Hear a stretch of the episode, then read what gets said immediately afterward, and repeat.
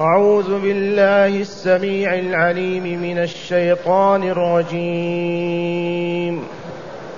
يا أيها الناس إن كنتم في ريب من البعث فإنا فإنا خلقناكم من تراب ثم من نطفة ثم من علقة ثم من علقة ثم من مضغة مخلقة وغير مخلقة لنبين لكم ونقر في الأرحام ما نشاء إلى أجل مسمى. ثم نخرجكم طفلا ثم لتبلغوا أشدكم ومنكم من يتوفى ومنكم من يرد إلى أرذل العمر لكي لا لكي لا يعلم من بعد علم شيئا وترى الأرض هامدة فإذا أنزلنا عليها الماء اهتزت. فإذا أنزلنا عليها الماء اهتزت وربت وأنبتت من كل زوج بهيج. ذلك بأن الله هو الحق. وأنه يحيي الموتى وأنه على كل شيء قدير. وأن الساعة آتية لا ريب فيها وأن الله يبعث من في القبور. معاشر المستمعين والمستمعات من المؤمنين والمؤمنات في الآيات قبل هذه نادى الله عز وجل نادى الناس أجمعين أبيضهم وأسودهم عربهم وعجمهم شريفهم ووضيعهم ذكرهم وأنثاهم ناداهم بقوله يا أيها الناس ناداهم بأيها الناس ليأمرهم بتقواه. إذ قال يا أيها الناس اتقوا ربكم. أي خافوا عقابه وعذابه فأطيعوه وأطيعوا رسوله صلى الله عليه وسلم لتنجوا من العذاب وتسلموا منه. وذكر أن هذا العذاب هو عذاب الدار الآخرة. وذكر أن النضر بن الحارث وغيره ينكرون البعث الآخر والحياة الثانية إنكارا شديدا ويجادلون في ذلك بالباطل. بعد هذا نادانا الله عز وجل أيضا فقال يا أيها الناس إن كنتم في ريب من البعث أي في شك من الحياة الثانية. أي في بعثكم من قبوركم أحياء بعد موتكم وفنائكم. إن كنتم في ريب من البعث فإليكم الأدلة العقلية وبها وأنتم عقلاء تعرفون أن البعث حق وأن الحياة الثانية لا بد منها وأن الجزاء بحسب العمل. فذكر أدلة عقلية وبراهين منطقية. فقال عز وجل فإنا خلقناكم من تراب. أما خلق آدم من تراب وخلق حواء من ضلعه الأيسر وهما الأب والأم ونحن الأبناء والبنات رجالا ونساء أصلنا من تراب. فالذي خلقنا من تراب يعجز أن يخلقنا مرة أخرى من تراب ثاني؟ أي عقل يقول لا؟ ما كنا موجودين أبدا فأوجدنا من مادة التراب ثم أعدمنا وأفنانا قادر على أن يعيد حياتنا أيضا كما بدأها عقلا وإلا لا؟ لا ينفي هذا إلا مجنون لا عقل له خلقكم من تراب يعني آدم وحواء ثم من نطفة قطرة ماء المني نطفة. هذه النطفة الشاهدة قطرة يتكون من الإنسان يتكلم ويصول ويجول ويكذب وينكر ويحارب. انظر إلى أصلك ما هو. أليست قطرة ماء؟ نطفة المني. منها كان الإنسان وإلا لا خلقكم من نطفة ثم من خلقكم من تراب ثم من نطفة ثم من علقة. أربعين يوم وهي نطفة فقط فالرحم أربعين يوم تتحول إلى علقة تعلق في اليد في الأصبع.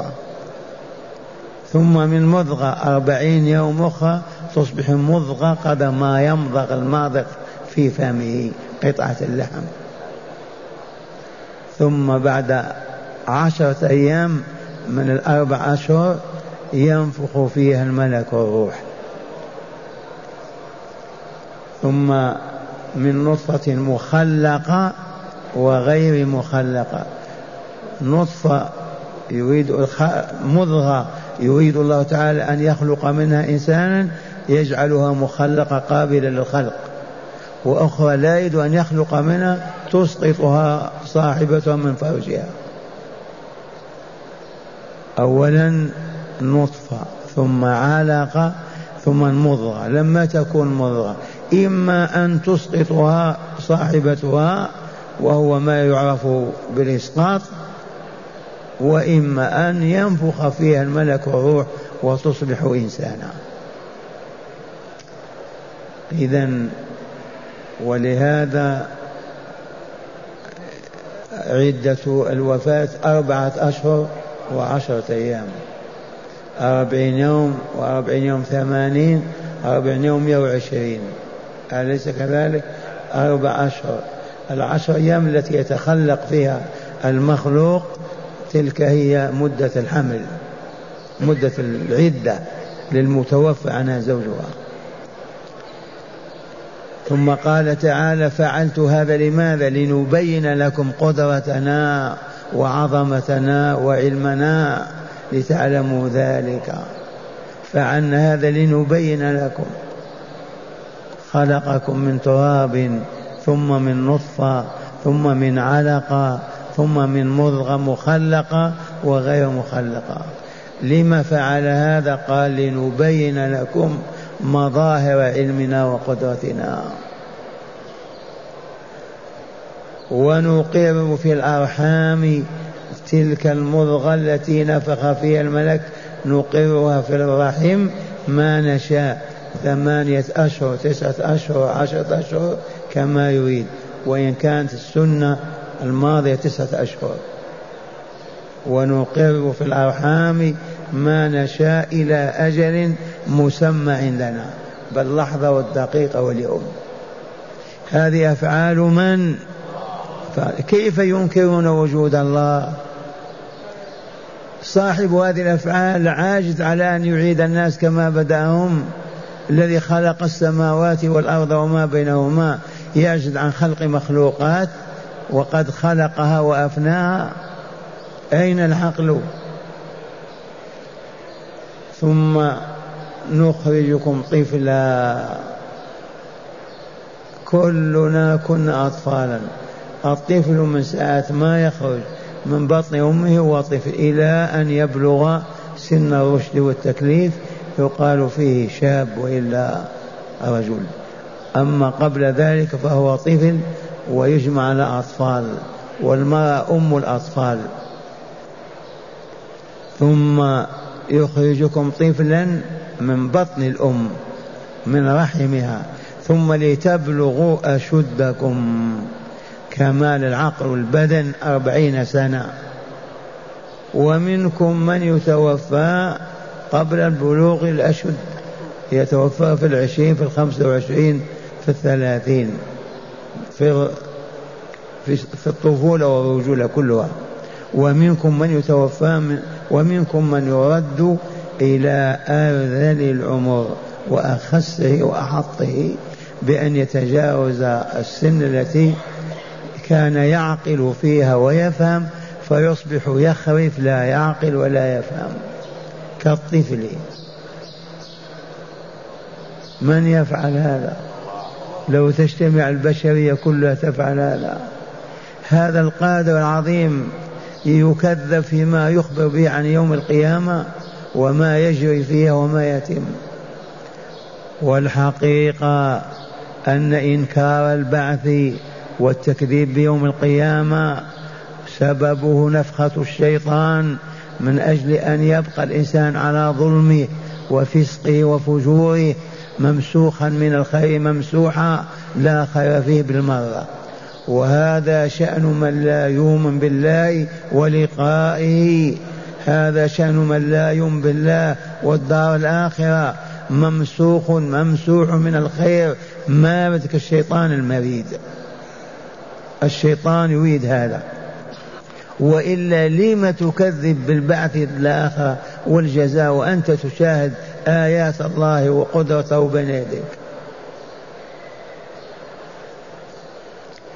ثم لتبلغوا أشدكم ومنكم من يتوفى من قبل ومنكم من يرد إلى آذل العمر. يخرف فيصبح يهرف ولا يعرف لا يعقل ولا يفهم. ثم قال تعالى ومنكم من يرد إلى أرذل العمر لكي لا يعلم من بعد علم شيئا. علومه ومعارفه كان طيار كان صائغ كان كذا كل ذاك ينسى ويصبح يهرف وينطق بما لا يعلم. لكي لا يعلم من بعد علم شيئا. هذا دليل عقلي برهان عقلي واضح كالشمس الذي خلقنا من تراب ثم خلقنا من نطفة ثم ثم يميتنا ثم يربينا وينمينا إلى أن نبلغ أشدنا إلى أن نبلغ سن الكبر والضعف. يعجز عن إحيائنا بعد موتنا. مستحيل. كيف يقول العاقل هذا؟ ودليل آخر. عقلي برهان عقلي. قال تعالى وترى الأرض هامدة. ساكنة قارة لا تتحرك لا عشب فيها ولا نبات ولا شجرة. تراها تشاهد ولا لا؟ بعينك أيها الإنسان. فإذا أنزلنا عليها الماء ماء السماء أو ماء العين والسقي اهتزت وانتفخت وربت وارتفعت وأنبتت من كل زوج بهيج.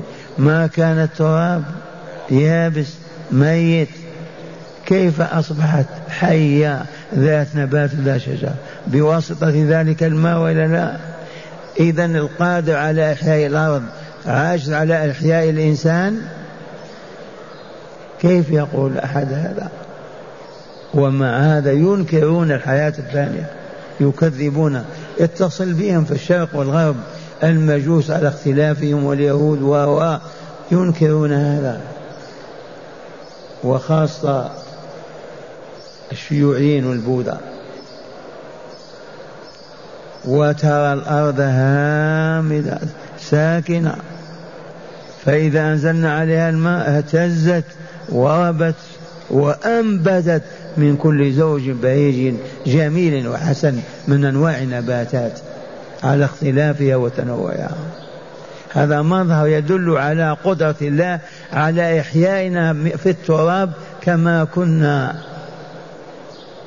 لما ندفن ونذوب ونتحلل ويصبح ذلك العظيم الذي هو في آخر خرزة من خرزات الظهر ننبت به كما ينبت البقر. كل البشرية سوف تموت وها نحن نشاهدها يوميا تموت. وتفنى إلا ما شاء الله ثم ذاك العظيم الصغير الذي هو في آخر خرزات الظهر يقال له عجب الذنب. ذاك العظم يبقى وينزل ماء من فوق من السماء فننبت به من حياة جديدة. بهذا أخبر رسول الله صلى الله عليه وسلم في أصح الأخبار وأصح الأحاديث. فننبت كما ينبت البقل البصل أو الثوم. ما ترى تشاهد بذرة الثوم كما كيف البصل. بذرة صغيرة في الماء والتراب تنبت وتصبح ذات جسم ومادة وترى الأرض هامدة. فإذا أنزلنا عليها الماء اهتزت وربت وأنبتت من كل زوج بهيج ثم قال تعالى بعد هذا البيان بعد مخاطبة العقول واعترافها بالحق قال ذلك لتعلموا بأن الله هو الحق. هذا الذي عرضه علينا من أجل أن نعلم ماذا؟ أن الله هو الإله الحق ولا إله غيره ولا رب سواه. وكل الدعاوى باطلة لا إله إلا هو ولا رب سواه. ذلك بأن الله هو الحق أولا وثانيا وأنه يحيي الموتى بعد موتهم. هذه الأدلة العقلية كلها تنتج هذا النتاج. أولا تقرر بأن الله هو الإله الحق لا إله غيره أبدا. أرفع بها صوتك لا إله إلا الله. ثانيا بأنه قادر على أن يحيي الموتى وفي هذا تقرير البعث والحياة الثانية وأنها ضرورية لا بد منها. ثالثا وأنه على كل شيء قدير. الذي خلق البشريه كلها من طين يعجز عن شيء. الذي يميت ويحيي يخلق ويفني يعجز عن شيء. والله لعلى كل شيء قدير. الذي خلق السماوات السبع والأراضين السبع وما فيهما وما بينهما يعرف بالعجز. ألا والله إنه على كل شيء قدير. كل شيء أراده قدير على فعله وإيجاده وخلقه.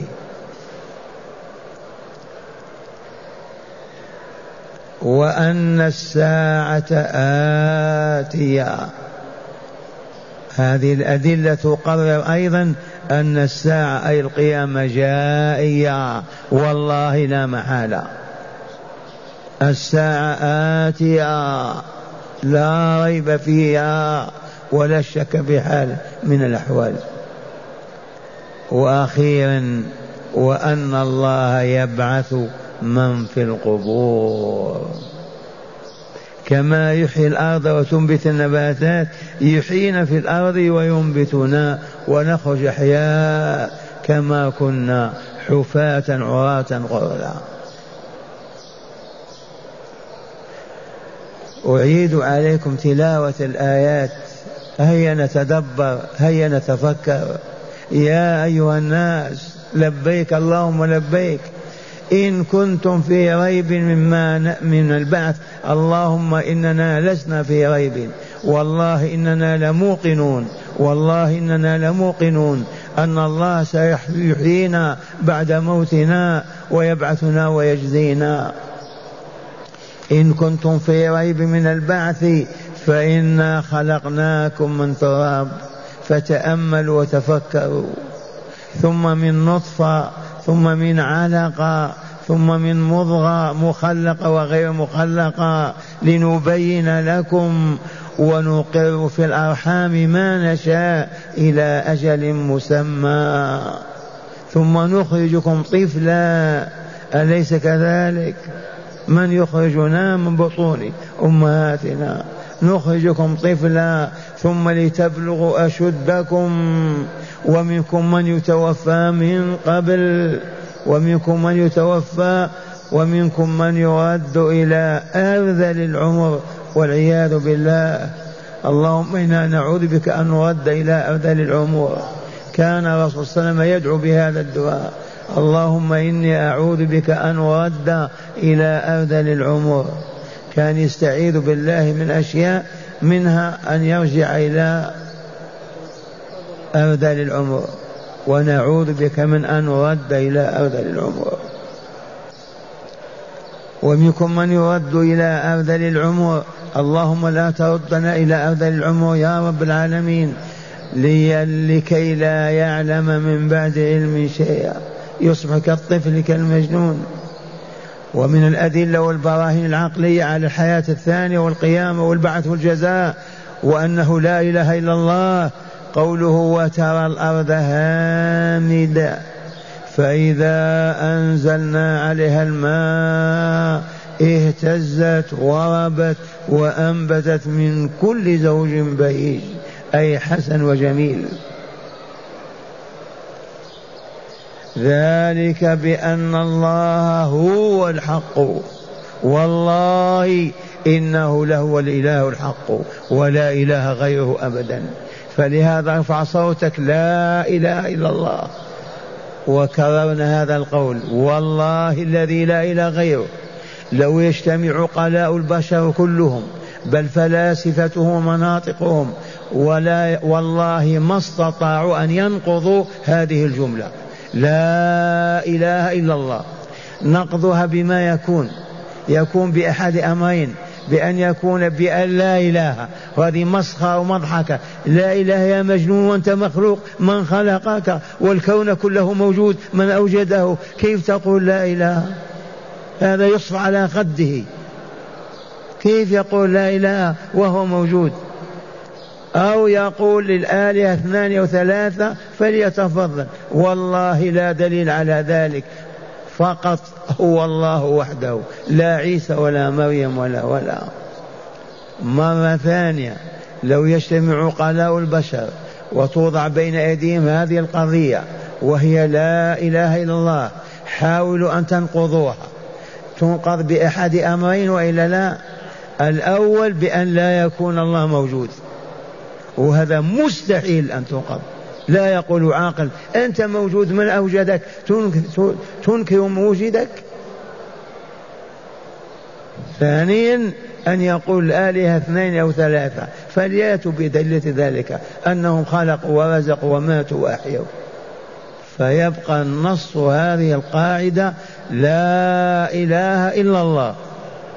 والله ما تنقض بالعقل أبدا. لا تنقض بوجود بأنه لا إله ولا تنقض بوجود إلهين أو ثلاثة أو عشرة. ذلك بأن الله هو الحق وأنه يحيي الموتى وأنه على كل شيء قدير. لا يعجزه شيء في الأرض ولا في السماء. وأن الساعة آتية. ساعة الصبح آتية ولا لا؟ الفجر قريب ولا لا؟ أو ما يمكن ما يأتي؟ إذا الساعة آتية. تنتهي الأيام والليالي وتأتي الساعة الأخيرة. وأن الله يبعث من في القبور. يبعثهم أحياء. فيصعدون على وجه الأرض على صعيد واحد للحساب والجزاء. أسمعكم شرح الآيات من الكتاب. معنى الآيات لما ذكر تعالى بعض أحوال القيامة وأهوالها وكان وكا وكان الكفر وكان الكفر بالبعث الآخر هو العائق المانع عن الاستجابة عن الاستجابة والطاعة. أليس كذلك؟ مرة ثانية. أقول لما ذكر تعالى بعض أحوال القيامة في الآيات السابقة وأهوالها وكان الكفر بالبعث الآخر هو المانع العائق من الاستجابة للطاعة وفعل الخير. نادى تعالى الناس مرة أخرى ليعرض عليهم أدلة البعث العقلية. لعلهم يؤمنون. فقال يا أيها الناس إن كنتم في ريب من البعث أي في شك وحيرة وقلق وقلق نفسي من شأن بعث الناس أحياء من قبورهم بعد موتهم وفنائهم لأجل حسابهم ومجازاتهم على أعمالهم التي عملوها في دار الدنيا. فإليكم ما يزيل شككم ويقطع حيرتكم في هذه القضية العقدية. وهو أن الله تعالى قد خلقكم من تراب أي خلق أصلكم وهو أبوكم آدم من تراب وبلا شك. ثم خلقكم أنتم من نطفة أي ماء الرجل وماء المرأة وبلا شك ثم من علقة بعد تحول النطفة إليها ثم من مضغة بعد تحول العلقة إليها وهذا بلا شك أيضا وهذا بلا شك أيضا. ثم ثم المضغة إن شاء الله تحويلها إلى طفل خلقها وجعلها طفلا. وإن لم يشأ ذلك لم يخلقها وأسقطها من الرحم كما هو معروف ومشاهد بين الناس. وفعل الله ذلك من أجل أن يبين لكم قدرته وعلمه وحسن تدبيره لترهبوه وتطيعوه وت... لترهبوه وتعظموه وتحبوه وتطيعوه. وقوله تعالى ونقر في الأرحام ما نشاء إلى أجل مسمى ثم نخرجكم طفلا. أي ونقر تلك المضغة المخلقه في الرحم إلى أجل مسمى وهو ميعاد ولادة الولد وانتهاء حمله. ونخرجكم طفلا أي أطفالا صغارا. لا علم لكم ولا ولا حلم ثم نميت ثم ننميكم ونربيكم بما تعملوا بما تعلمون من سنتنا في ذلك. ثم لتبلغوا أشدكم أي تمام نماء أبدانكم وعقولكم. ومنكم من يتوفى قبل بلوغه أشده لأن الحكمة الإلهية اقتضت وفاته. ومنكم من يعيش ولا يموت حتى يرد إلى أرذل العمر فيهرم ويخرف ويصبح كالطفل لا يعلم بعد علم. كان لا يعلم بعد علم كان له قبل قبل هرمه شيئا. هذا دليل دليل البعث وهو دليل عقلي منطقي وبرهان قوي على حياة الناس بعد موتهم. إذ الذي خلقهم من تراب ثم من نطفة ثم من علقة ثم من مضغة يوجب العقل قدرته على إحيائهم بعد موتهم. إذ ليست الإعادة بأصعب من البداية ليست الإعادة أبدا بأصعب من البداية. ودليل عقلي آخر هو ما تضمنه قوله تعالى وترى الأرض أيها الإنسان تراها هامدة خامدة ميتة لا حراك فيها ولا حياة فإذا أنزل الله تعالى عليها الماء من السماء اهتزت أي تحركت وربت أي ارتفعت وانتفخت تربتها وأخرجت من النباتات المختلفة الألوان والطعوم والروائح من كل زوج بهيج جميل المنظر حسنه. أليس وجود تربة صالحة كوجود رحم صالحة؟ أليس وجود تربة صالحة كوجود رحم صالحة وماء المطر كماء الفحل وتخلق النطفة في الرحم كتخلق البذر في التربة وخروج الزرع حيا ناميا كخروج الولد حيا ناميا وهكذا إلى حصاد الزرع وموت الإنسان فهذان دليلان عقليان على صحة البعث الآخر وأنه كائن لا محالة وفق وفوق ذلك كله إخبار الخالق وإعلام خلقه بأنه سيعيدهم بعد موتهم. فهل من العقل والمنطق أو الذوق أن تقول له لا؟ أن تقول له لا فإنك لا تقدر على ذلك. قولتك هذه قذرة عافنة. لا يود لا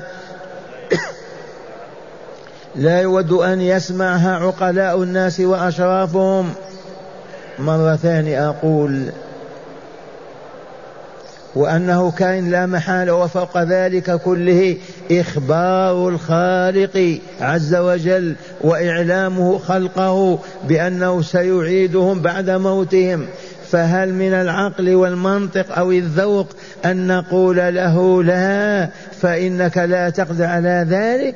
والله لقولتك هذه قذرة عافنة لا يود أن يسمعها عقلاء الناس وأشرافهم.